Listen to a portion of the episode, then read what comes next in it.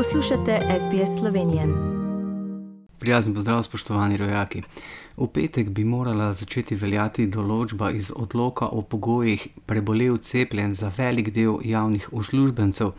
Toda vlada si je to interpretirala kot nekaj, kar lahko enostransko predpiše kot delodajalka in povabila tudi ostale delodajalce v zasebnem sektorju, da lahko po svoji presoji posegajo v ustavno zajamčene pravice zaposlenih.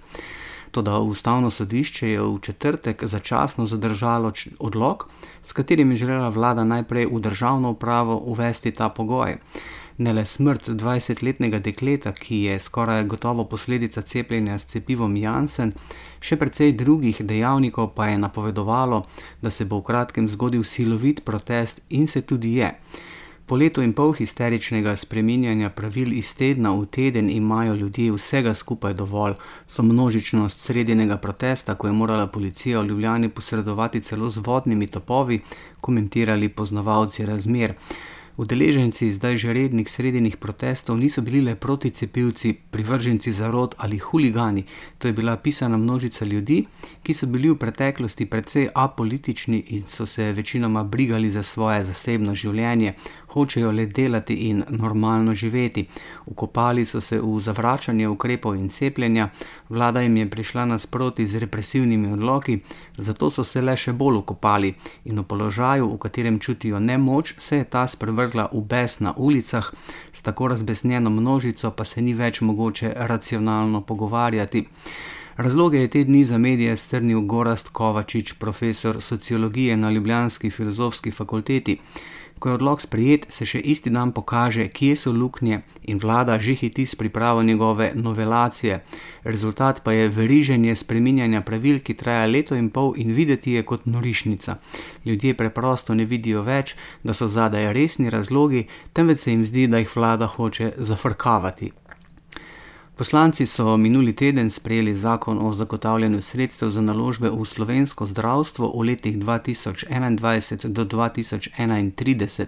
Zakon za naložbe namenja okoli 2 milijardi evrov, med drugim za naložbe v univerzitetna klinična centra v Ljubljani in Mariboru ter izobraževalne ustanove na področju zdravstva. Za oba klinična centra je namenjenih 763 milijonov evrov, 557 milijonov evrov pa za razvoj in posodobitev splošnih bolnišnic. Kar 200 milijonov evrov je namenjenih za sofinanciranje in izboljšavo infrastrukture na primarni ravni, kar pomeni skoraj 3 milijone evrov na zdravstveni dom v Sloveniji. Za konec pa še kratek skok v preteklost. Desetletje po smrti legendarnega ljudskega godca Lojzeta Slaka, njegovo obširno in pisano zapuščino živo ohranjajo v njegovem rodnem kraju, kjer so njemu ter pesniku Tonetu Pavčku, ki tudi izhaja iz mirne peči na Dolenskem, pred kratkim posvetili muzej. V muzeju in njegovi dislocirani enoti Pavčkovi rojstni hiši v bližnjem Šentjuriju lahko obiskovalci izvedo vse podrobnosti o njunih življenjih in zapuščini, obenem pa se tudi, kot se za Slakov muzej spodobi, odlično zabavajo.